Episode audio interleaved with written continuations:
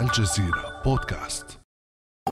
يتسم أسلوبه بالسخرية والنقد اللاذع لكن محتواه أشبه بحقول ألغام تتطلب المناورة الحذرة. لا تفلت منه أي قضية سياسية مهما كان حجمها ليتناولها بصراحة مباشرة وجرأة حادة لا تعرف سقفا ولا خطا أحمر. ورغم أسلوبه اللاذع أو ربما بسببه لا تقل مشاهدات أي حلقة له عن المليوني مشاهدة. هو شاعر وفنان ومقدم برامج على منصات التواصل الاجتماعي. يعرف بالشاب أشرف عبودة الشيخ مهند أو عبد الله الشريف. أنا خالد مجذوب وهذا أثر الفراشة من الجزيرة بودكاست. أرحب بضيفي في هذه الحلقة عبد الله الشريف شو بتحب نعيط لك؟ بأي كنية أو بأي اسم؟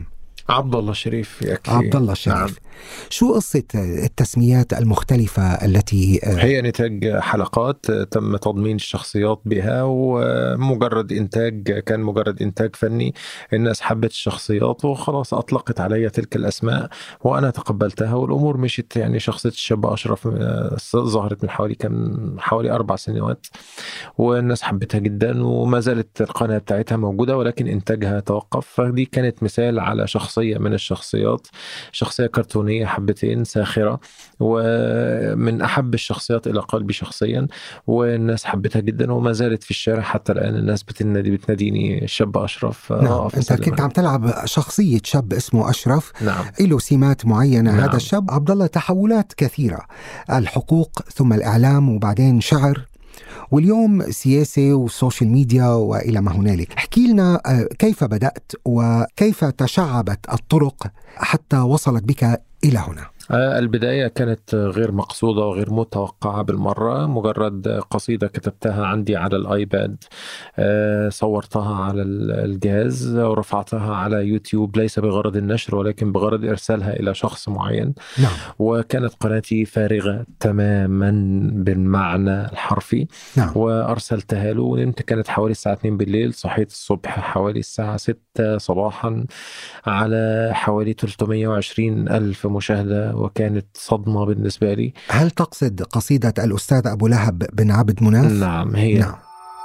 نظرة بسرعة معايا قوام على اللي بيحصل في الإعلام. عاوز يبقى نجمك عالي اطلع واشتم في الإسلام. هزر نكت وبخ بكت كل ما تسخر تبقى تمام. إشاعة وقالوا كذبة وماله صم بعديها ثلاث أيام. اطلع جعر صوت نعر شوف الصوت العالي بكام. هذا الحكي ب آه، 2013 نعم. نعم تحديدا في 19 1 2013 ومن هو الشخص اللي كنت عم تبعت له إياها هذه القصيدة؟ آه كان زوج أختي. يعني نعم. كنت مش لاقي طريقة أبعت له بيها فقعدت دخلت على جوجل أعمل search ما كنت أعرف يوتيوب. آه، فيوتيوب رشح لي إن ده موقع من المواقع اللي قد أرفع عليها الفيديو بتاعي. فرفعته وأنا ما أعرف إن ده عام أو خاص ما. كنتش عندي أي خبرة رفعتها لإرسال لغرض الإرسال لشخص معين وصحيت الصبح صدفة بحتة لقيت الصبح 320 ألف مشاهدة وتعليقات بالالاف الناس بتطالب إن أنا أستمر لأن الوضع في مصر كان وقتها آه، هجوم شديد جدا على الإسلاميين عموما بغ- بغرض أنت عارف طبعا الإخوان كانوا وقتها في السلطة وكده نعم وكان في تشويه للإسلاميين بشكل عام فالقصيدة لاقت إعجاب شديد جدا من جمهور المصريين والعرب بشكل بسيط جدا وده هننتقل له إن شاء الله أظن ممكن يعني على الأقل شريحة من المصريين خلينا نقول طبعا نعم. sure sure طيب أنت دخلت هذا. دخلت هذا العالم social media بال 2013 نعم. كان عملك انقطع حتى تقريبا عام 2017 لم ينقطع بشكل لا يسمى انقطاع ولكنه كان متردد. الإنتاج آه، قد يكلف الكثير من المال ولم أكن أملك ذلك المال آه، إلى 2017 حتى يعني عندما تمكنت ودرست الميديا واستطعت أن أنتج لنفسي فطرقت الباب وابتدأت في إنتاج حلقات أسبوعية. اذا يعني فينا نقول الأسباب كانت اقتصادية أكثر منها لنقول نعم. سياسية أو شخصية. لا لا لا كانت اقتصادية بشكل بحت. نعم. طيب عبد الله بعد ذلك قررت الاستمرار بالمجال وصار واضحا إنه هذا المجال والإعلام بشكل عام هو حقل الغام وتذكرة باتجاه واحد للسجن. نعم. إصرارك على الاستمرار في هذا العمل والتعبير عن فكرك رأيك طروحاتك لما تراه أنت من وجهة نظرك صائبا. نعم. ما الذي يعطيك الدافع للاستمرار؟ وهل تعتقد بأنك أنت بهذه المهمة حققت مبتغاك؟ من ناحية حققت مبتغاة ففي آه، أهداف دنيوية وفي أهداف أخروية الواحد قد يعتقد إنه قد يجازى عليها يوم الدين مش هنتناقش فيها لأن دي بين الواحد وبين ربه. خلينا نتكلم في الأهداف الدنيوية. نعم. أنا أعلم تماما إن تراجعي خطوة للوراء لن يؤتي ثمار لأن مثلا مثلا يعني عندك آه، ليا اثنين إخوات معتقلين بيطالبوني عبر الرسائل التي ترسل من بشكل أو بآخر إن أنا أتوقف حتى يتمكنوا هم من الخروج. وأنا أعلم تماما إنه توقفي لن يفيد ولن يمكنهم من الخروج حيث أن آه، اعتقالهم في حد ذاته هو مجرد انتقام ومحاولة إذلال ومحاولة دفع آه، ال- الأسرة من عندي مثلا والدي ووالدتي. يكون عندك رقابة ذاتية مش رقابة بقى من ناحية الدولة أو الأحكام اللي اخذتها أو كده. فيبدأ الوالد وتبدأ الوالدة تطلب منك إن أنت تخف الضغط شوية أو لكني أعلم جيدا. أنا يعني في سجال مع من؟ يعني هذا الكلام طبعا يمثلني أنا. يمثلك أنت نعم وهي وجهة نظرك ب- بطبيعة الحال. بالظبط بالظبط تفضل. بالظبط وأنا مسؤول عن كل كلمة بقولها. نعم. آه، أنا عارف كويس قوي إن تراجعي خطوة للوراء لن يفيد وعارف كويس قوي إن أنا لازم أكمل زي الطريق زي ما بدأ. إن شاء الله لازم يكمل للآخر بلا توقف. طبعا الموضوع يعني شائك نعم. ويفتح الباب على عدة محاور. نعم. إنما استوقفني شيء أنت قلته.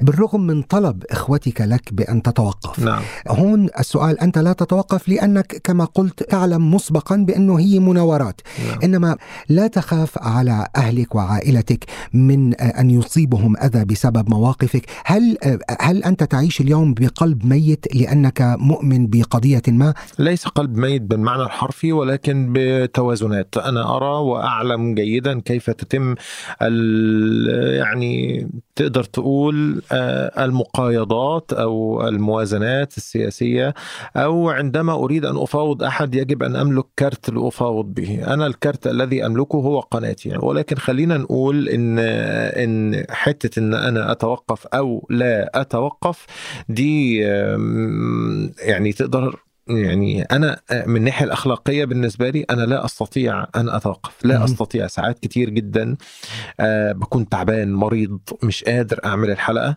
ولا أستطيع أن أتوقف بروح أشتغل و- والحلقة على فكرة بتاخد مني مجهود وشغل جبار لأنه حرفيا one man show مفيش أي حد بيساعدني شغلي لوحدي أنا اللي بحضر الحلقة بقرأ لها بكتبها آه بصورها بعمل لها مونتاج جرافيك ألوان كل هذه الخطوات بتاخد مني تقريبا حوالي أربع أيام في الأسبوع علشان تطلع الحلقة في الآخر 15 دقيقة يشوفها الناس. الناس بتطالبني بعدها إن أنا أعمل حلقتين في الأسبوع ثلاث حلقات في الأسبوع لأنهم لا يدركون آه، المجهود ال- الذي يتم لإنتاج حلقة واحدة. أنا مصمم ومستمر إن شاء الله على هذا النهج حتى لو تمت مصالحة. بما أنك نحن حنحكي عن موضوع التسريبات لاحقا بس بما أنك خارج مصر آه، عبد الله طب اليوم من هي شريحتك المستهدفه وهل تعتقد أنك ما زلت تمثل أو تؤثر على المصريين في الداخل أو على الأقل بشريحة منهم. نعم. وفيك تحدد لي هذا الكلام؟ آه طبعا أحدد لك. أنا already يوتيوب بيديني تحليلات على القناة بتاعتي. نعم. بيقول الجمهور بتاعي جغرافيا من إيه اعماره قد إيه الذكور الإناث نعم. ال- بيديني دايما تحليلات وإحصائيات. هو ده تحديدا. نعم نعم. من خلاله أنا عارف كويس جدا إن أنا تأثيري أكبر شريحة بأثر فيها شريحة المصريين 65% من جمهوري من جمهورية مصر العربية. وإن كان 30% بس هم اللي عاملين subscribe علشان القمع والخوف من الاعتقال والجو ده. اليوتيوب بيقول لك ال subscribe قد إيه؟ وبيقول لك المشاهدات منين تحديدا. نعم. فالمشاهدات 65% لمعظم حلقاتي من جمهورية مصر العربية. ليش ليكون بس خوفا من القمع؟ ويمكن مثل ما في ناس معك ما في ناس ضدك. طبعا في. هل أليس الاختلاف بالرأي آه، حق نعم. مشروع؟ نعم. ولا يجب على الاختلاف بالرأي أن يفسد للود قضية نعم. هكذا نقول نحن. نعم. طيب اليوم هناك شريحة أكيد يمثلها عبد الله الشريف. يس وهناك شريحة أخرى ما بدنا نعمل مقارنة مين أكبر ومين أقل لا يمثلها عبد الله الشريف هل الذين لا تمثلهم أعداء لك؟ أليسوا هم حاملين الجنسية نفسها اللي أنت بتحملها؟ آه، ما موقفك من باقي الشعب المصري الذي لا يتبنى هذا الفكر أو لا يتبنى هذه القضية تحديدا. شوف هناك لا يجب أن نفرق بين الشريحتين. هي ليست شريحة واحدة ولكنها شريحتين. في شريحة مع اللي موجود يعني اللي إحنا بنسميها حزب الكنبة. الكنبة اللي هم قاعدين بيتفرجوا على التلفزيون يشوفوا مين اللي بيكسب ويسقف له ايا كان بقى سواء طلع بمعنى وحش يعني ماشي مع اللي ماشي. ماشي مع اللي ماشي هو ليس منافق ولكنه راجل غلبان عايز ياكل عيش وينام. يعني ما مش فاغ مش شارق مش شاغل دماغه مين اللي فوق ومين اللي تحت. هو الراجل عايز ينزل الشغل يروح شغله الصبح يروح شغله يرجع آخر النهار يقعد وسط عياله مش فارق معاه مين اللي بيحكم إيه الأحداث السياسية ما ملوش في في أي حاجة. دي إحنا بنسميها في مصر حزب الكنبة هذه هي الشريحة الكبرى في مصر على فكرة. آه،. آه، الشرائح الأخرى اصبح أصحاب الأيديولوجيا أو أصحاب التوجهات already عندي أعداء طبعا وبلاقيهم في التعليقات وكانوا الأول بيدوني طاقة سلبية في بداية آه، أعمالي النهارده بالعكس أنا شايفهم بيدوني يعني تفاعل على الصفحة لما بيخش يشتم واحد يخش يرد عليه وبتاع فبيديني يعني بيخلي يوتيوب بيشوف إن الفيديو بتاعي من ناحية التفاعل أكتر فبينشره أكتر بين الناس.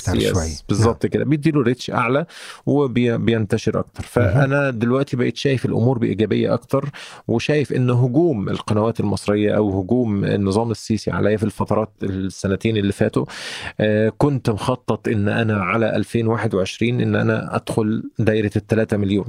دخلتها في 2020 علشان بسبب الهجوم اللي حصل وبسبب التسريبات اللي عملوها لي.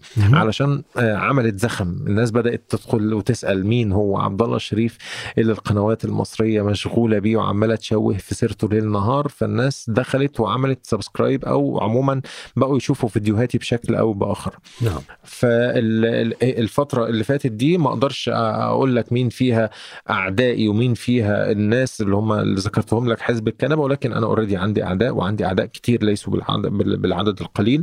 ليس في جمهورية مصر العربية فقط. على رأي مثلا ذكر أبويا لما كان بي بينصحني كان يقول لي يا ابني خلي لك بلد تروحها. يعني خلي لك بلد ما, ما تهاجمهاش علشان خاطر ما يبقالكش فيها أعداء. فأنا already عندي أعداء بظرف ال- المواضيع اللي أنا بسيرها أو الأطروحات اللي بطرحها. فهي مش بس القضية المصرية ولكني دلوقتي على المستوى العربي من يوم قضية خاشقجي عليه رحمة الله ولما فتحت ال- الباب ده بدأ يجي لي جمهور عربي كتير وفي قضايا مثلا زي قضية ال- ال- المسلمين في الهند زي قضية الأويغور زي قضايا الإسلامية الصين، عموما نعم. الصين مثلا أي نعم نعم دي بتجيب لي جمهور من الوطن العربي أو من خارج الوطن العربي كمان جمهور مسلمين مش إسلاميين جمهور مسلمين من شتى أنحاء الدنيا لأن عندي الحلقات دي بتبقى مترجمة بال بالإنجلش فدلوقتي ما أنا مش محصور في القضية المصرية ولكن نعم. نعم. دايما بضرب عليها ودايما هي شغلي الشاغل والأساسي ولكن بجانبها قد تطرأ بعض القضايا وبتطرق لها هل تصنف نفسك أنك شخص عدائي؟ هل أنت شخص عدائي؟ ما هي قضيتك تحديدا؟ يعني اليوم آه، إذا استخدمنا الأيديولوجيا نعم كذريعة آه، أكيد هي حتجيب لنا فولورز أكثر ومتابعين أكثر وإلى ما هنالك الخ الخ الخ ما هي قضية عبد الله الشريف اليوم وهل ترى نفسك شخص عدائي؟ بكل بساطة إجابة السؤال ده أنا شخص مجرد ما أشوف حاجة غلط زي أكني بالظبط واحد قاعد على القهوة. وشاف واحد في الشارع بيشتم واحدة إيه يا ابني إن أنت بتعمل إيه؟ يا ابني حرام عليك يا ابني اتقي الله حرام عليك ما ينفعش تشتم واحدة انت ما. انت مش راجل انت ما عندكش مروءة. فواحد قاعد شايف الوطن أو قدامه مش مش بس الوطن العربي شايف قدام منه مجتمع سواء بقى كان المجتمع ده اقليمي دولي حارة صغيرة. فأنا مجرد واحد قاعد في حارة شايف أي حاجة بشوفها أقدر إن أنا أتكلم عنها وأقول دي صح ودي غلط من وجهة نظري. ليست من ايديولوجيتي خلي بالك. علشان هناك آه، في فرق كبير جدا. لأن ايديولوجيتي ممكن ترجعها مثلا آه، إلى دقني فتقول لي أنت آه، ايديولوجيتك السلفية. فممكن ترجعها إلى دفاعي عن الإخوان الفترة اللي فاتت فتقول لي ايديولوجيتك الأخوي أنت كنت الإخوانية. محسوب على هذين الفريقين في السابق. ما- وما زلت. طيب. وما زلت. ولكن أنا مش هقعد أقضي حياتي أقعد أدافع عن هذه المسألة وأقول يا جماعة أنا عمري ما كنت إخوان يا جماعة أنا عمري ما كنت سلفي يا جماعة أنا عمري ما كنت تبع فصيل معين أو اي كان. بس أنت كنت فعلا ما أنت عملت كنت حلقة. فين؟ أنت عملت حلقة بنفسك وحتى يعني سخرت من نفسك لأنك بما معناه اكتشفت بأنك أنت كنت يعني متضحك عليك بموضوع السلفيين تحديدا. مش عملت حلقة حول هذا الموضوع. تقصد حزب النور. حزب النور. آه نعم. لا هناك فرق هناك فرق. شوف الإخوان أنا كنت بنزل المظاهرات بتاعه الإخوان بعد آه، الانقلاب العسكري في مصر. مهم. هل هذا يعني إن أنا منضم للإخوان؟ ابدا. كنت بنزل مع حزب النور السلفي وبعربيتي وأحط بنزين وأعلق بنرات على حسابي وأروح أطبعها وأقول حزب النور مش طالب جاه ده ده غرضه يطبق شرع الله. نعم. آه وأمشي بيها في الشوارع وأقنع الناس بيها لأن أنا شايف وقتها إن آه، الإسلاميين لازم ياخدوا فرصة. دي فرصتهم هم الفريق المنظم الموجود دلوقتي. والإسلاميين الاخوان اوريدي عندهم هذا التجمع الكبير القدرة على الحشد الاستطاعه في في ال- الإنفاق والطباعة ودخول مجلس الشعب أو النواب أو غيره السلفيين كانوا خارجين من بوتقة المسجد. نعم. المسجد اللي مش مختلط بحد. مم. فأنا اوريدي الفترة اللي قبلها كنت بحضر دروس السلفيين. دروس العلم الشرعي كلها كنت بحضرها عند ياسر برهامي كنت بحضرها عند أحمد فريد كنت بحضرها عند الشيخ سعيد عبد العظيم كنت يعني عند أقطاب السلفية في اسكندرية لأن تعلم أن الدعوة السلفية ليس السلفيين. هناك فرق بين الدعوة السلفية والسلفيين. السلفيين عموما في آه، المسلمين سلفيين المسلمين هم من يقولوا أو يأخذوا دينهم عن الأولين اللي هم السلف الأجداد من الصحابة والتابعين وغيرهم. نعم. أما الدعوة السلفية في اسكندرية التي أنشأها الشيخ سعيد عبد العظيم والشيخ آه، محمد إسماعيل المقدم وياسر برهامي كانت هذه الدعوة السلفية آه، أنشأت في السبعينات سنة 75 تحديدا وهي كيان منظم بشكل ما. يقود فهو يستطيع بكلمة من ياسر برهامي أن ينشرها في جميع أرجاء اسكندرية في ساعة واحدة بين آه، مريدين طب. ماذا تقول لعبد الله اللي كتب من أربع خمس سنين لما بتقرأ له هي العبرة مش إنه نحن تغيرت قناعاتنا إنما لماذا؟ ماذا تعلمت من الدروس السابقة وإذا أردت أن تخاطب عبد الله من خمس ست سنوات اللي كان يعمل هول البوستات شو بتقول له؟ مش بس بقول له أنا بس بقول للي بيسمعني دلوقتي مهم. إن ال- القراءة أن ال- الثقافة في حد ذاتها هي من تصنع منك شيء غير هي اللي هتغير ذلك الشخص اللي كان من أربع خمس سنوات اللي انت ممكن تشوفه يوما من الأيام شخص سفيه إيه اللي أنا كنت بهببه ده؟ إيه اللي أنا كنت بعمله؟ ولو لم تأخذ تلك الخطوة ولم تغير من نفسك هتفضل ذلك السفيه ولن تراه. يعني الفرق بين الثق... الذي يعني أخذ الخطوة وتثقف وقرأ آه، هو رأى ذلك الشخص من خمس سنوات أنت لن تراه سيراه الناس وأنت لن تراه. جميل. يعني اليوم أنت تدعو إلى الانفتاح على الثقافات على الأفكار. لازم الإنسان لحتى تتغير قناعاته أن يتحلى بنوع من حرية الفكر الانفتاح على الأفكار حتى لو كانت مختلفة من أجل أن تتطور نظرته للأمور ويتطور أفق إدراكه. صحيح؟ طيب هل العقل المبرمج المؤدلج هل فيه مساحة من الحرية؟ والانفتاح على الأفكار الأخرى؟ من يسلم عقله لأحد فهو يعني يحمل وزره. آه، الله سبحانه وتعالى في القرآن اقرأ أول آية كانت اقرأ فهذا هذا إذا دل على شيء على أهمية أن يكون الإنسان يعني أن يعمل على توسيع أفق إدراكه. نعم. بس مش فسيحوا في بالضروره الأرض فسيحوا في الأرض. انظروا إلى ثقافات الشعوب. آه، ياسر برهامي في درس في 2012 آه، حذرنا من كتاب لسيد قطب الإخواني. وهو كتاب معالم في الطريق. خرجت من الدرس فورا علشان أروح أشتري الكتاب من المكتبة اللي جنب المسجد فما لقيتهوش موجود وقال لي إن الكتاب ممنوع من النشر في مصر فزادني اصرارا. فرحت نزلته كان 2012 النت بطيء جدا في مصر الفترة دي. رحت نزلته قعد تقريبا حوالي آه، 24 ساعة ينزل مع إن الكتاب كله على بعضه تقريبا 3 ميجا أو حاجة كده. فنزل الكتاب في 24 ساعة قعدت قرأته فورا بعد ما نزل. ليلة بحالها بصباحها قعدت قرأت الكتاب لقيت إن سيد قطب ده راجل رائع رائع. وما زلت حتى الآن وعملت حلقة موجودة على قناتي اسمها سيد قطب دافعت عنه وقلت عنه ما يرت... ما أرتضيه أمام الله سبحانه وتعالى. فمع إنه كان يوما من الأيام صاحب فكر مختلف تماما ضد الإسلاميين ولكنه انتمى لحزب الإخوان. الله أعلم بقى سواء عن قناعة قناعته هو الشخصية دي ما وقفتش عليها أو آه، نكاية في عبد الناصر لأن عبد الناصر كان عاوز يضمه للحزب بتاعه وقتها. ولكن أنا شايف إن إن أنا لما خالفت ورحت قرأت أنا تفتحت مداركي بشكل ما ومش بس القراءة القراءة لسيد قطب أنا قرأت لجوستاف لوبون الفرنسي آه، قرأت البوذيين قرأت المسلمين قرأت المسيحيين. آه، القراءة في حد ذاتها مش ما فيش حد حرم علينا القراءة. نعم. أنت اللي بتوسع أفاق إدراكك أو أنت آه، تغلق على نفسك. نعم. طيب خلينا تو مثل ما بيقولوا بال English to address the elephant in the room نعم. الفيل يلي بالغرفة. نعم. التسريبات. نعم. أثرت أو أثارت هذه التسريبات جدلا واسعا بين محبي عبد الله الشريف نعم. ومعارضيه على حد سواء. نعم. أريد أن أسمع والجمهور أيضا يريد أن يسمع منك شخصيا حكاية تلك التسريبات وكيف واجهتها وكيف ترد على من يعتبرك مدانا؟ آه، شوف آه، كيف أرد على من يعتبرني مدانا أنا لن أرد أوكي. فخلينا بس الأول نتكلم في قضية التسريبات متى خرجت خرجت التسريبات بعد ما سربت قصور السيسي من جوه بغرف نومها وبعد ما سربت آه، سجون مصرية تحت الإنشاء. وبعد ما سربت أتتني تلك التسريبات عن طريق مصريون أو مص... عن طريق مصريين على طريق الواتساب عن طريق الواتساب اللي بحطه عندي. لما جات لي الحاجة ونشرتها بدأت بعدها جات لي التهديدات في حلقة الاختيار اللي شر... اللي نشرت فيها آه الجندي اللي كان بيقطع في جسم المصريين ماسك سكينة بتاعت طعام وبيقطع في جسم. من قتله. فقبل ما أنشر الفيديو ده حبيت إن أنا آه، تقدر تقول إن أنا افاوض بيه. فكلمت آه، الداخلية المصرية. قلت لهم في عندي فيديو كذا كذا كذا. الفيديو ده لو نزل هيعمل هيعمل دوشة عندكم كبيرة. فأنا ممكن أقايدكم بالفيديو ده. خدوه مش هنشره. في مقابل أنتوا تطلعوا 500 من 100 ألف واحد عندكم محبوسين. طلعوا 500 وما كانش وقتها إخواتي محبوسين.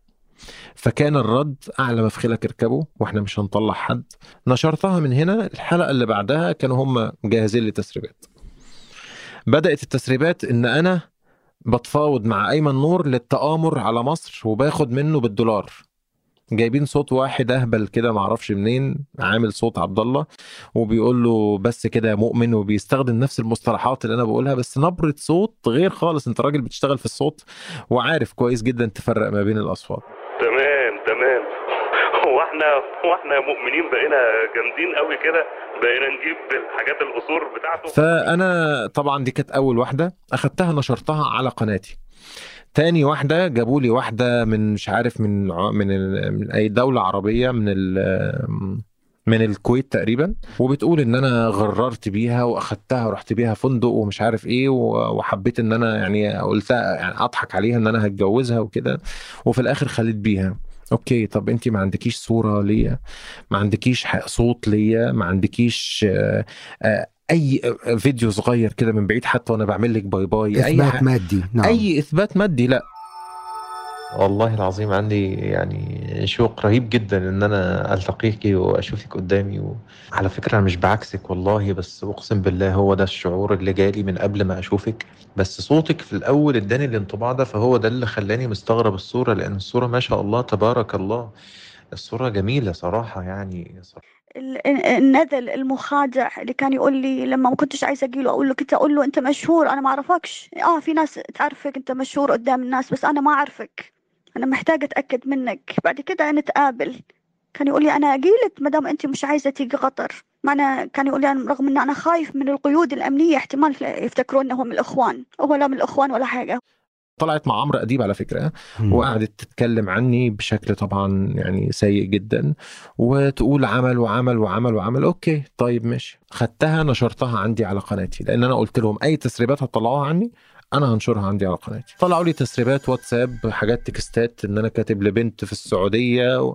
فالحاجات دي خلت البنات اللي هم المتابعين الشكل ده آه، قال لك بس ده عبد الله بقى لعبته بقى البنات والستات والجو ده فبدأوا إيه يبعتوا لي أنا ما أعرفش مين فيهم لكن لما شافوا التسريبات الله الله الله الله, الله عبد ده أنت جامد بقى وحلو بقى وزي الفل فبدأوا إيه يبعتوا لي رسائل وده بقى مشاهد كتير جدا جدا جدا في الفترة اللي بعد التسريبات كل التسريبات اللي سربوها لي نشرتها عندي على القناة بلا استثناء ما خليت شيء.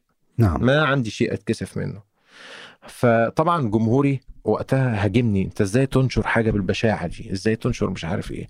إحنا بنسيب بناتنا تتفرج عليك بنسيب أولادنا الصغيرين بيتفرجوا عليك. إزاي تنشر حاجة زي كده وإحنا سايبين لهم قناة عبد الله الشريف في كل أريحية؟ فطبعا اضطريت إن في حاجات أخفيها ولكنها لسه ما زالت موجودة بمشاهداتها اللي معديه ال 2 مليون موجودة على قناتي للحجة يوما ما.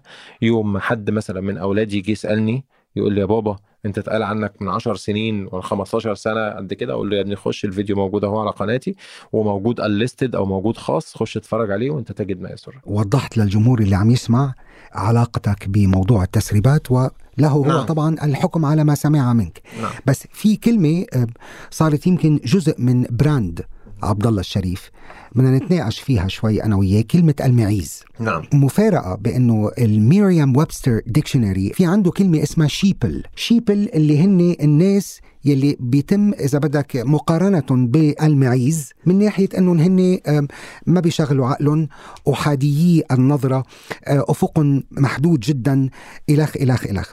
طب في ناس بتقول إنه عبد الله شريف بي- بيطلق لقب المعيز على كل حدا يخالف الرأي أو آه، ما بيمشي مع عقيدته أو توجهه. وفي ناس بتقول بالنسبة لهم عبد الله الشريف هو نموذج عن المعيز ليه؟ لأنه هو مبرمج عقائديا مؤدلج أحادي الفكرة وينظر مثلا لأمور معينة بمنظار أفق ضيق جدا. آه، كيف ترد على هؤلاء؟ ولماذا أطلقت كلمة معيز على الناس؟ ماذا تقصد بها؟ شوف الإسلاميين عموما بطبعهم عموما. مؤدبين جدا. وطيبين مهم. الإسلاميين نعم. مؤدبين نعم فلما تيجي تروح لواحد إسلامي تقول له يا خروف يالا يا خروف يا اللي ليتك قد كده يالا هم طلعوا على ال- الإخوان في مصر في 2013 خرفان كنوع من أنواع التجهيز النفسي للشعب عندما يراهم يذبحوا في الطرقات فهؤلاء خرفان فدماءهم حلال فطلعوا عليهم خرفان فلما طلع عليهم خر- الخرفان فكان المفروض في المقابل يطلع لفظ مضاد لمن يطلقون عليهم هذا اللفظ. فطلعوا عليهم إيه؟ الذباب الإلكتروني. يعني فاهم أنت؟ يوم ما الإسلاميين يحبوا يطلعوا اسم شوف شوف الشياكة. ذباب ومش أي ذباب بقى ده ذباب إلكتروني كمان عشان الشياكة. يعني حاجة كده بقى إيه تقدر تقول بتنور وبتطلع وبتعمل لعب وشخاليل. أنت تقول بأنه مصطلح الذباب الإلكتروني هو مصطلح طلعوه الإسلاميين؟ آه طبعا. طبعا نعم. امال نعم. طلع في السعودية ضد ال ال ال الناس اللي بيهاجموا الإسلاميين في السعودية طلع ضد اللي بيهاجموا الناس الإسلاميين في الإمارات طلع ضد اللي بيهاجموا الإسلاميين في مصر. هو المصطلح ده طلع كله في الفترة بتاعت 2013 2014 2015 وانت طالع. نعم. ولو تلاحظ هتلاقيه موجود وما كتير. في ذباب إلكتروني إسلامي يعني؟ لا ال ال ال ال لا الإسلاميين ما بيقولوش عليهم ذباب إلكتروني. الإسلاميين فورا يتقال عليهم خرفان. هذا الحكي بمصر. لا لا. المصطلح آه، سافر. يعني القضية المصرية انت عارف دايما مصر بتأثر اعلاميا ووجدانيا في الوطن العربي. فمصطلح الخرفان سافر من مصر للوطن العربي. نعم. طيب ف- وموضوع المعيز بقى؟ أيوه. فموضوع المعيز كان رد مني لأن أنا شايف إن ما ينفعش جدا إن واحد يجي يديني بالقفا وأنا أقول له معلش والله أصل أنا أنت ضربتني بالقفا طب هقول لك بقى أنت وحش. لا ضربتني بالقفا يبقى تاخد بالقفا. ربنا سبحانه وتعالى قال فعاقبوه بمثل ما عوقبتم. صح ولا أنا غلطان؟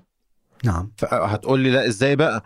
هينفع واحد شيخ كده يقول لواحد يا يا معزة؟ مش قال لي يا خروف؟ يبقى هو معزة. يعني من مبدأ العين بالعين والسن بالسن, بالسن. والبادئ أظلم. أنت اللي, بتأيد على طول الخط. في حلقة عندي اسمها جامية بالمكسرات. الجامية بالمكسرات هي لمن تؤيد الحاكم على مر على طول الخط آه، يمين يمين شمال شمال زي ما يقول إحنا معاه فهو ده هو ده المقصود آه، بهذه الشريحة بكلمة معيز نعم بكلمة معيز بس بكل اختصار عشان هو الذي يؤيد آه، الحاكم من دون أن بدون أن يفكر. مساءلة نعم من دون آه. تفكير بدون طيب. تفكير. ما قصة هذه القصيدة بدي أسألك عنها قصيدة آه، عصفور يمكن هي تعتبر اليوم ربما من أهم أو أكثر أسباب شهرتك أو على الأقل خلينا نقول أن كتير كتير آه، ضاعفت شهرتك من هو منصور الذي تتكلم عنه في القصيدة وشو قصتك مع هذه القصيدة؟ أنا وعم بسمعها للقصيدة استوقفني هذا الموضوع. والفروخ طاير متحير واللي بيتكلم منصور. قال له أنت اسمك إيه يا صغير؟ قال له يا عم اسمي عصفور. قال له مكانك جنبك رملك خليك جار عمك منصور. وطير ويايا يا ولدي هقول لك علم الداري والمستور. القصيدة عصفور كتبت من هي من أطول القصائد اللي كتبتها. مم. عندي قصيدة البرواز عندي قصائد كتيرة عندي موجودة على القناة. آه، ولكن قصيدة عصفور هي أطول قصيدة ولكنها من أقصر القصائد في في في الوقت الذي كتبت فيه. القصيدة بتاخد مني من شهر إلى ثلاث شهور كتابة. تفكر وتمعن وحصول على ال ال ال الكلمات القوية اللي تقدر تعبر. نعم. ولكن قصيدة عصفور كتبت في يوم واحد. يوم واحد. يوم واحد. نعم. ولم تكتب في الوطن العربي. كتبت في بلد غربي كنت الصبح نازل أجري عشان دايت وكده فكان أها. في حمام بيجري فوقيا يعني أنا أصلا كان هو على الأرض وأنا بجري فهو بجري راح الحمام طاير ففضل ماشي فوقيا نعم. ففضلت بصيت له كده فتخيلت بقى إن الحمام ده بيلف فوق الوطن العربي وإن القائد بتاعه اللي ماشي قدام ده حد معين ممكن نديله أي اسم فالحد ده بقى هيبدأ يشرح لهم إيه اللي بيحصل لأن هو شايف من فوق. هو ده اللي كنت بقول لك عليه في أول الحلقة. نعم. الثقافة تخليك تبعد عن الدايرة وتشوف من منطلق أوسع. eye view. نعم. بالظبط. أوسع. نعم. نعم. فكان منصور شايف وعارف كل حاجة وع... و... و... وعصفور الصغير الفروخ اللي هو لسه صغير ده لسه مولود ومش فاهم عيني. فرايح لعمه منصور فمنصور بقى قعدوا يفهمه فرحت بقى عديت على مصر وعلى غزة في فلسطين وعديت على لبنان وعديت لا على سوريا وعلى كذ... على ليبيا وقتها كانت الأحداث كانت مشتعلة جدا جدا. يعني فينا نقول إنه منصور هو هو أنت بشكل أو بآخر. نوعاً- من وجهة نظرك. لا أنا عصفور. أنت عصفور مش نعم، منصور؟ مش منصور. منصور اللي من وجهة نظرك هو المدرك من لغايات الأمور واللي فاهم خلفيات الأمور وخفاياها وهو اللي طبعا يعني عم بيقول عم بيجرب يوعي الناس على الحقائق من وجهة نظر. منصور هو يعلم عني. نعم. وأنا تأثرت بيه منه زيه زي أمثلة كتير جدا كانت موجودة على الساحة. نعم. كيف كان صدى هذه ال- القصيدة؟ شفتك على يوتيوب عم تقولها لايف أمام الناس مباشرة. هذا المسرح وين كان؟ كان في أمريكا. في أمريكا. نعم. ألقيت هذه القصيدة في نعم. أمريكا. نعم. طيب أنت اليوم عبد الله هل تملك جواز سفر مصري؟ أملك جواز سفر مصري ولكنه منتهي لا أستطيع أن أذهب به لبتاع الفلافل حتى أضع عنده كرهن وأخذ سندوتش إذا اليوم اللي مثلا يتساءل كيف عبد الله الشريف يستطيع أن يتنقل ويسافر وي- ويروح ويجي وهو مطلوب من الإنتربول الدولي أليس كذلك؟ أنا نعم مطلوب ولكن أنا فعلا لا أستطيع لا يعني تستطيع. أنا لا أستطيع اولا لا أنا لا أملك جواز سفر نعم. ساري. نعم. آه، في مصر امتنعوا أن هم يسلموني جواز سفر سواء ليا أو لابني على فكرة. يعني حتى ابني كمان معاقب مثلي نعم. ما فيش أوراق مصرية بتصدر لنا. وفي نفس الوقت مطلوب من الانتربول آه، الدولي النشرة الحمراء زائد إن أنا واخد حكم آه، عسكري. بالمؤبد في مصر 25 سنة. ده الظاهر. نعم أنت مطلوب للسلطات المصرية. لما كنت بلندن وجه طلب إلى السفير المصري البريطاني عفوا وجه طلب اعتقالك ل... للسفير البريطاني في مصر. مظبوط. آه، بسبب كما قالوا ترويجك لأعمال إرهابية. مظبوط. على حد قولهم. نعم. وهلا آه، طبعا موضوع الإنتربول صرت طب هذه نعم. المشكلة كيف تتعامل معها؟ كيف تقوم بالحراك نعم في أنا ظل لا هذا الوضع؟ لا أنا لا أتحرك. أهو أنت أنا قاعد معاك هنا هخرج من عندك أروح أنام في بيتي. ما حد قال لي مثلا عايزينك في بلد ما غير البلد اللي أنا بقابل حضرتك فيها أنا مش مش هقدر مش أروح له. تقدر تروح. نعم. مش هقدر أروح له. نعم. أه والكلام ده مش النهارده مش وليد اللحظة الكلام ده بقاله تقريبا حوالي سنتين.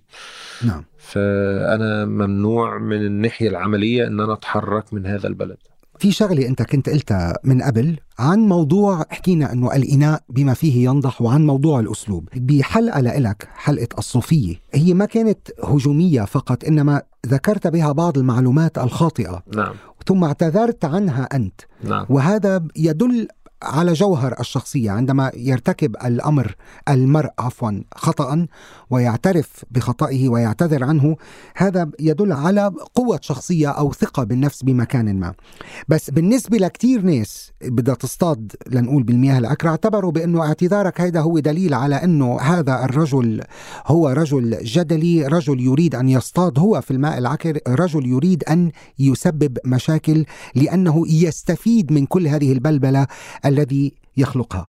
بس أنا في الحقيقة مش قادر أديك. أنت هتعمل لي فيها يا عم الغامض بقى ولا إيه؟ ما تروح يا عم توكل على الله. إيه عيب يا عبد الغفور.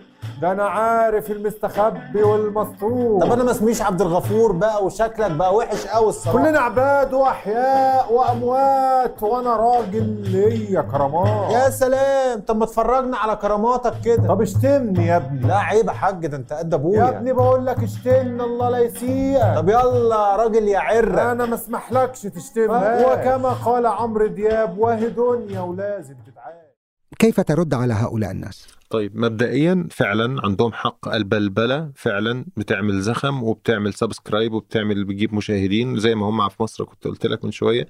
لما بيهاجموني بيجيبوا لي مشتركين زيادة ومشاهدات عندي بتزيد والدنيا عندي بتشتعل. لكن لو أنا أقصد ده فربنا عز وجل يعاقبني بعكس بعكس مقصدي آه، ابدا لم أقصد ابدا إن أنا أقدم مادة مغلوطة علشان بعد كده أطلع أعتذر عنها في مقابل إن أنا أعمل زخم وشوية آه، سبسكرايب ومشاهدات. لا طبعا. كل القصة إن أنا تلقيت معلومة بشكل خاطئ بسبب آه، إن أنا تقصير في المراجعة. أن ابن تيمية قال عن آه، آه، شخص ما إن هو قال له كذا فالشخص اللي قال له كذا قال له ابن تيمية اخسأ عدو الله. الشخص اللي يعني اللي قابله ابن تيمية قال له إن أنا رفع عني القلم وما صليش ومش عارف إيه. فابن تيمية قال له اخسأ عدو الله. في في سياق القراءة هي أنا أنا فهمتها كده. لكن هي في الحقيقة في الواقع أن ابن تيمية قرأ عن فلان أن شيطان جاله في المنام وقال له رفع عنك القلم وما تصليش تاني. ففلان ده هو اللي قال للشيطان اخسأ عدو الله. هو فلان ده شخص صالح. فالشخص الصالح ده كتب عنه ابن تيمية يقصد إن هو يقدمه للناس على إنه شخص صالح. اللي أنا فهمته من الجملة اللي أنا قرأتها إن ابن تيمية بيتهم هذا الرجل في دينه وقال له اخسأ عدو الله. فقدمت المعلومة بالشكل ده للجمهور. الجمهور لم محدش منهم دخل خالص قال لي انت غلطان في حق الشيخ في حق الراجل اللي ذكره ابن تيمية. ولكن كلهم قالوا لي إزاي وابن تيمية ولد سنة 500 والراجل ولد سنة آه الراجل آه آه ابن تيمية ولد سنة 600 والراجل ده عبد القادر الجيلاني ولد سنة 500 فالاثنين ما قابلوش بعض اوريدي فإزاي ابن تيمية بيقول عليه كده؟ محدش ابدا دافع عن الرجل ولا يعرف عن الرجل إذا كان من أهل الدين ولا من أهل البدعة أصلا. يعني محدش يعرف عنه حاجة. اللي كان واضح هو المغالطة التاريخية. المغالطة التاريخية نعم، بالظبط نعم. وقامت الدنيا ولم تقعد وطبعا بقى رسائل السنين من ناس أعرفهم وأقدرهم جدا. فبعدها على طول علشان أوقف حالة الجدل آه، كتبت آه، تويتة إن أنا أخطأت فعلا في هذه المادة وإن أنا هقدم الأسبوع الجاي مادة تانية فغيرت اسم الحلقة للصوفية واحد على أساس إن أنا أعمل الصوفية اتنين وفعلا الصوفية اتنين عملت حلقة كاملة سيرة عبد القادر الجيلاني ذلك الرجل اللي أنا ظلمته في الحلقة اللي فاتت ورديت اعتباره لأن أنا غرضي من كل القناة دي إن أنا يوما ما بعد سنة 2 10 50 أيا كان هكون ميت. واليوتيوب إن شاء الله يستمر كده كم سنة كمان قبل القنبلة النووية اللي هتبوظ السيرفرات. فالشوية كام سنة اللي هيفضل فيهم يكون صدقة جارية ليا إن شاء الله ولا يجد من يدخله إلا الحقيقة. بس. جميل. أنت نظرتك للمستقبل نظرة مشرقة ومليئة بالأمل. بس نعم. الفكرة هي جميل أنت قلت هلأ صدقة جارية. يعني هذا ما تفعله المحتوى الذي تقدمه اليوم بكل تجرد وبكل صراحة. م- ماذا يفيد إنسان اليوم هذا المحتوى؟ هذه الحلقات التاريخية والشخصيات التاريخية وكذا. آه، هذه من وجهة نظرك عبد الله كيف تفيد إنسان اليوم الذي يعيش في القرن الحادي والعشرين بكل ما فيه من إيجابيات وسلبيات ومشاكل والى ما هنالك؟ ماذا يريد عبد الله أن يترك؟ ما هو الإرث الذي تريد أن تتركه مع جمهورك. من لم يتعلم من الماضي كتب عليه أن يكرره حرفيا ويعيش مرة أخرى. نعم. فأنا بنقل الماضي علشان دايما بكرر للناس إن هي جمعية ودايرة. يا جماعة آه، جه فلان عمل كذا مات آه، زي الأفلام بالظبط. في أول الفيلم اتفرقوا في نص الفيلم اتجمعوا في آخر الفيلم اتجوزوا. هي التيمة كاملة بس السكريبت بيتغير.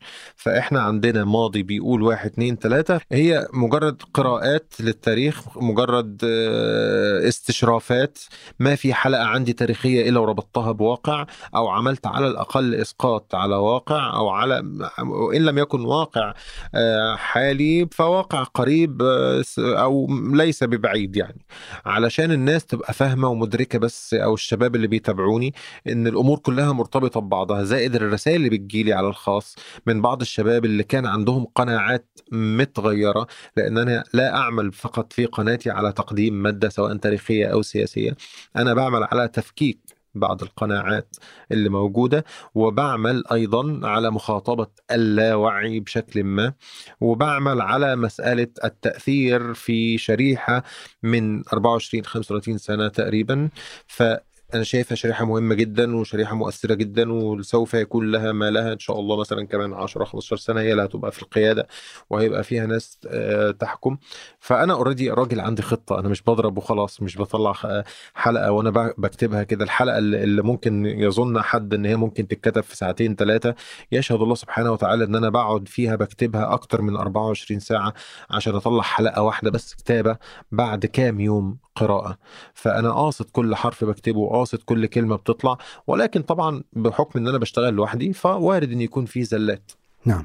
عبد الله الشريف هل أنت مع أم ضد فصل الدين عن الدولة وقيام دول مدنية علمانية في الوطن العربي؟ شوف عندنا أمثلة كتير جدا موجودة زي دولة تركيا مثلا. هي دولة من يحكمها رجل أحسب أنه هو رجل متدين ويريد أن ينشرها دولة دينية. ولكنه لا يستطيع. فبيقدم الدولة باسم علماني. ولكنه بيحاول يدفعها إلى التدين وهذا مشاهد في المساجد اللي بي- بيفتتحها في الأماكن آه، ذات جدل واسع في تركيا في المدارس التي آه، أباح فيها أو أطلق فيها قراءة القرآن وتحفيظه الحجاب الذي عاد إلى القوات المسلحة وغيرها من المشاهدات اللي شفناها. فلو هتسميها كده دولة علمانية وهتقول لي فصل الدين على الدولة و- وتبقى بها بتلك ال- الإدارة أنا موافق جدا.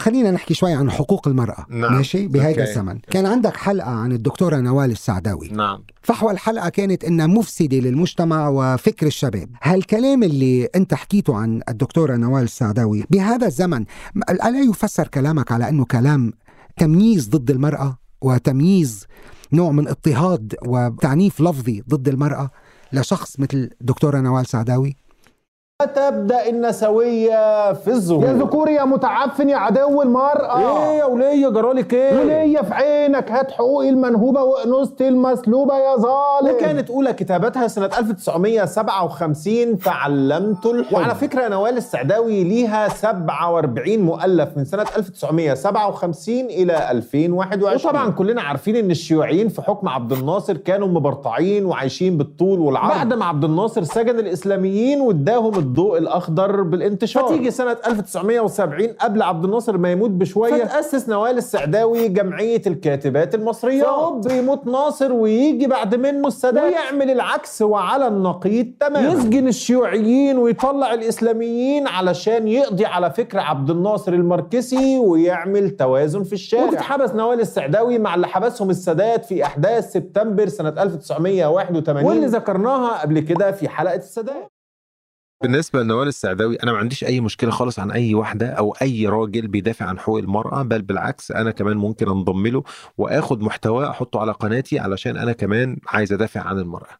ولكن ليه تربط لي الدفاع عن المرأة بالحجاب اللي بتحطه على شعرها؟ ليه تربط لي الدفاع عن المرأة ب- بأن الإسلام أو الدين بشكل خاص أو بشكل عام هو السبب فيه؟ ليه تقول لي أن التخلف ال- الذي صاحب الأشخاص الذين عاملوا المرأة بشكل وحشي كان سببه أيديولوجيا دينية. إذا كيف تفسر هذا الكلام؟ كيف, وكيف تفسر أفسر؟ الهجوم على نوال السعداوي بهذا أفسر الشكل؟ الهجوم على نوال السعداوي لربطها الدفاع عن المرأة بأن تلصق المتخلفين الذين يعاملون المرأة بشكل غير جيد أنهم إسلاميين فقط. خالص. طلعوا من البوتقة دي وحطوا في مكانه. موجود في الشرق الأوسط. في- عبد الله الشريف. نعم. كيف علاقتك أنت؟ كيف تنظر إلى المرأة؟ ودور المرأة في المجتمعات العربية إسلامية كانت أم لم تكن المرأة في العالم العربي بعد الثورات قبل الثورات بالأحرى تحديدا بعد الثورة هل تعتقد بأنه المرأة اليوم بمكان أفضل بعد الثورة في العالم العربي؟ في قصيدة كتبتها سنة 2014 عن المرأة لما كانت دايما تحصل عندنا المظاهرات والناس تموت في الشوارع فكان الشباب ما بيتحملوش في الجنائز وكده ويبكوا وبتاع وكانت النساء وتلاقيها أم ال- الشهيد الذي قتل نحسبه عند الله سبحانه وتعالى شهيد وهي صامدة يعني. فكان فكنت كتبت لا تحزني يا صابرة فلقد عهدتك في الشدائد قادرة. بالأمس كنت أقول أن صوتك عورة ما كنت أعلم أن أصوات النساء معبرة. واليوم أقسم أن صوتك ثورة صاحت بأشباه الرجال مكشرة. يا أم مصعب والوليد وحمزة يا أم مصعب والوليد وحمزة لا تحسبن بأنكن نوادرة. هذه نساء مدينتي قد سطرت قصص الفداء مكررة. عبد الله بالنهاية بدي أقول لك دائما ما تنهي حلقاتك في اليوتيوب بالمقولة الشهيرة إذا ضربت فأوجع فإن العاقبة واحدة. نعم.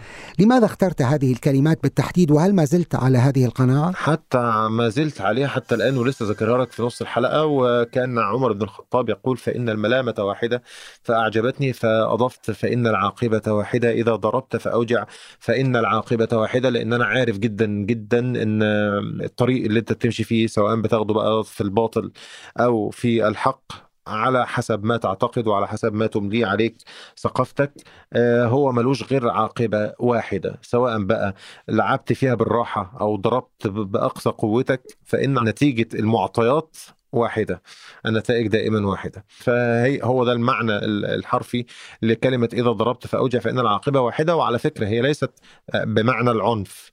هي بمعنى آه، آه، الإقبال والإقدام على شيء مثلا في الفيديوهات اللي أنا بقدمها ممكن جدا ألمح من بعيد أقول أصل في دولة ما بتعمل مش عارف كذا وفي رئيس ما مش عارف يعمل كذا الكلام ده لا لن يعرضني لأي مساءلة قانونية على فكرة.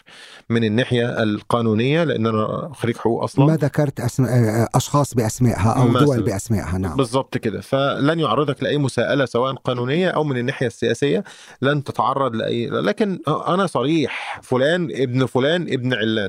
فخلاص هي طالما هتضرب يبقى اضرب بكل ما أوتيت لأن العاقبة واحدة بالنهاية أنت بتقول. على حد قولك يعني نعم. آه، قد يرى المشاهد الأعمال التي أقدمها سياسية نعم لكنني لست سياسيا وأعمالي لا أحسبها سياسية لكنها أعمال إنسانية نعم إذا كان المحتوى الذي تقدمه أنت ليس سياسيا ماذا يكون؟ وكيف تعتبره إنسانيا من وجهة نظرك؟ اعتبره انسانيا لأنه يدافع عن إنسان. يدافع عن إنسان معتقل يدافع عن إنسان قتل وعايزين دمه. بس بإطار سياسي بامتياز. هو رايح الإطار السياسي. يروح مطرح ما يروح. يعني أنا دايما لما حد بيتصل بيا علشان يجي يصنفني يقول لي مثلا نيجي تحب في أول الحلقة نقول الإعلامي عبد الله شريف نقول اليوتيوبر نقول الشاعر نقول مش عارف إيه السياسي نقول المحلل نقول أقول له قول اللي أنت عايز تقوله والأفضل أنت تقول معانا النهارده عبد الله الشريف على الهوا وخلاص. نعم. ليه؟ لأن أنا مش عايز أحط نفسي في قالب أنت ما تصنفنيش. نعم. ما تقولش عليا أنا بشتغل إيه أو بقول إيه. أنا راجل كل ما بسمع السك- السكريبت اللي محطوط قدامك ده لو في كلمة كده من بعيد ما عجبتنيش هاخدها اتناولها وأقول لك دي مكتوبة هنا ليه ومحطوطه هنا ليه. نعم. آه بس هو ده وعندي القناة بتاعتي هي المكان اللي ربنا سبحانه وتعالى جعله لي المصطبة اللي بيتجمع عليها العرب من شتى الدول العربية نعم. وبيقعدوا يسمعوا للعبد لله. فخلاص فأنا اوريدي عندي مصدر قوة وأستطيع أن أفعل ما أراه مناسبا. أنا بدي أجرب أخذ منك الصدق والصراحة بمكان ما لأنه اليوم يعني التغيير سمة أساسية في حياة الإنسان. فخلينا نقول أنه بمحطات معينة بحياتك أنت دخلت محطات كانت قناعاتك مختلفة عن قناعات عبد الله اليوم. فينا نقول هذا الشيء بشكل صادق صحيح. يبقى اليوم عبد الله عم- يعبر عن أفكاره وتوجهاته وقناعاته اليوم. إنما مش بالضرورة أنه هذه هي كانت نفس الأفكار والقناعات والتوجهات في السابق. إذا أنت مررت بمراحل غيرت فيها من قناعاتك وتوجهاتك إن كان من ناحية الإخوان والسلفيين. فينا نقول هيك ولا لا؟ مش الإخوان ولا السلفيين. بالاسم يعني ولكن أنا فعلا قناعاتي اتغيرت. اتغيرت وأكتر حاجة بتثبت لي ده لما بتمر عليا بوستاتي القديمة في 2013 على ال- ال memory في فيسبوك مثلا بشوف أنا إزاي كنت كده إزاي كنت رايح لهذا الاتجاه بالشكل ده. ف أنا already مش أنا بس على فكرة حضرتك كمان وهتلاقي اللي بيسمعونا دلوقتي ناس كتير جدا منهم قناعاتهم اتغيرت ولما تمر عليه ال memory بتاعته يشوف إزاي أنا كنت يعني أنا بتكلم عن نفسي أقول إيه العبط والهبل اللي أنا كنت فيه ده كنت فعلا في في حتة تانية خالص ودلوقتي الدنيا اتغيرت معايا عبد الله الشريف كنت ضيفي في هذه الحلقة أشكرك على وقتك وعلى صدقك وعلى صراحتك وعلى جرأتك بالطرح. إن اختلفنا أو اتفقنا ما ممكن اثنين يتفقوا على كل شيء نعم. يكون في إجماع على كل شيء أو يختلفوا على كل شيء. هذه سمة أساسية وضرورية في الحياة. إنما أحترمك لأنك ضيفي وأحترم رأيك حتى لو لم أتفق معك. شكرا. على وقتك الله وشكرا لأنك. كنت معنا بهذه الحلقة. وتمنياتنا لك بدوام الصحة والعافية والأمان اللهم والاستمرار بما تريد أن تقدمه الله يسعدك. شكرا ليك ولجمهورك لا تنسى تفعيل جرس الاشتراك لتصلك حلقات البرنامج اولا بأول. وإذا أعجبتك الحلقة لا تنسى مشاركتها مع من تحب. أنا خالد مجذوب وهذا أثر الفراشة. فريق الإعداد كوثر أبو سعدة محمد حمد عبد الله شعث عبيدة غضبان. تصميم الصوت ميشال بوداغر فريق التواصل والتفاعل أحمد حسن سامي الجزيري عمار ظاهر.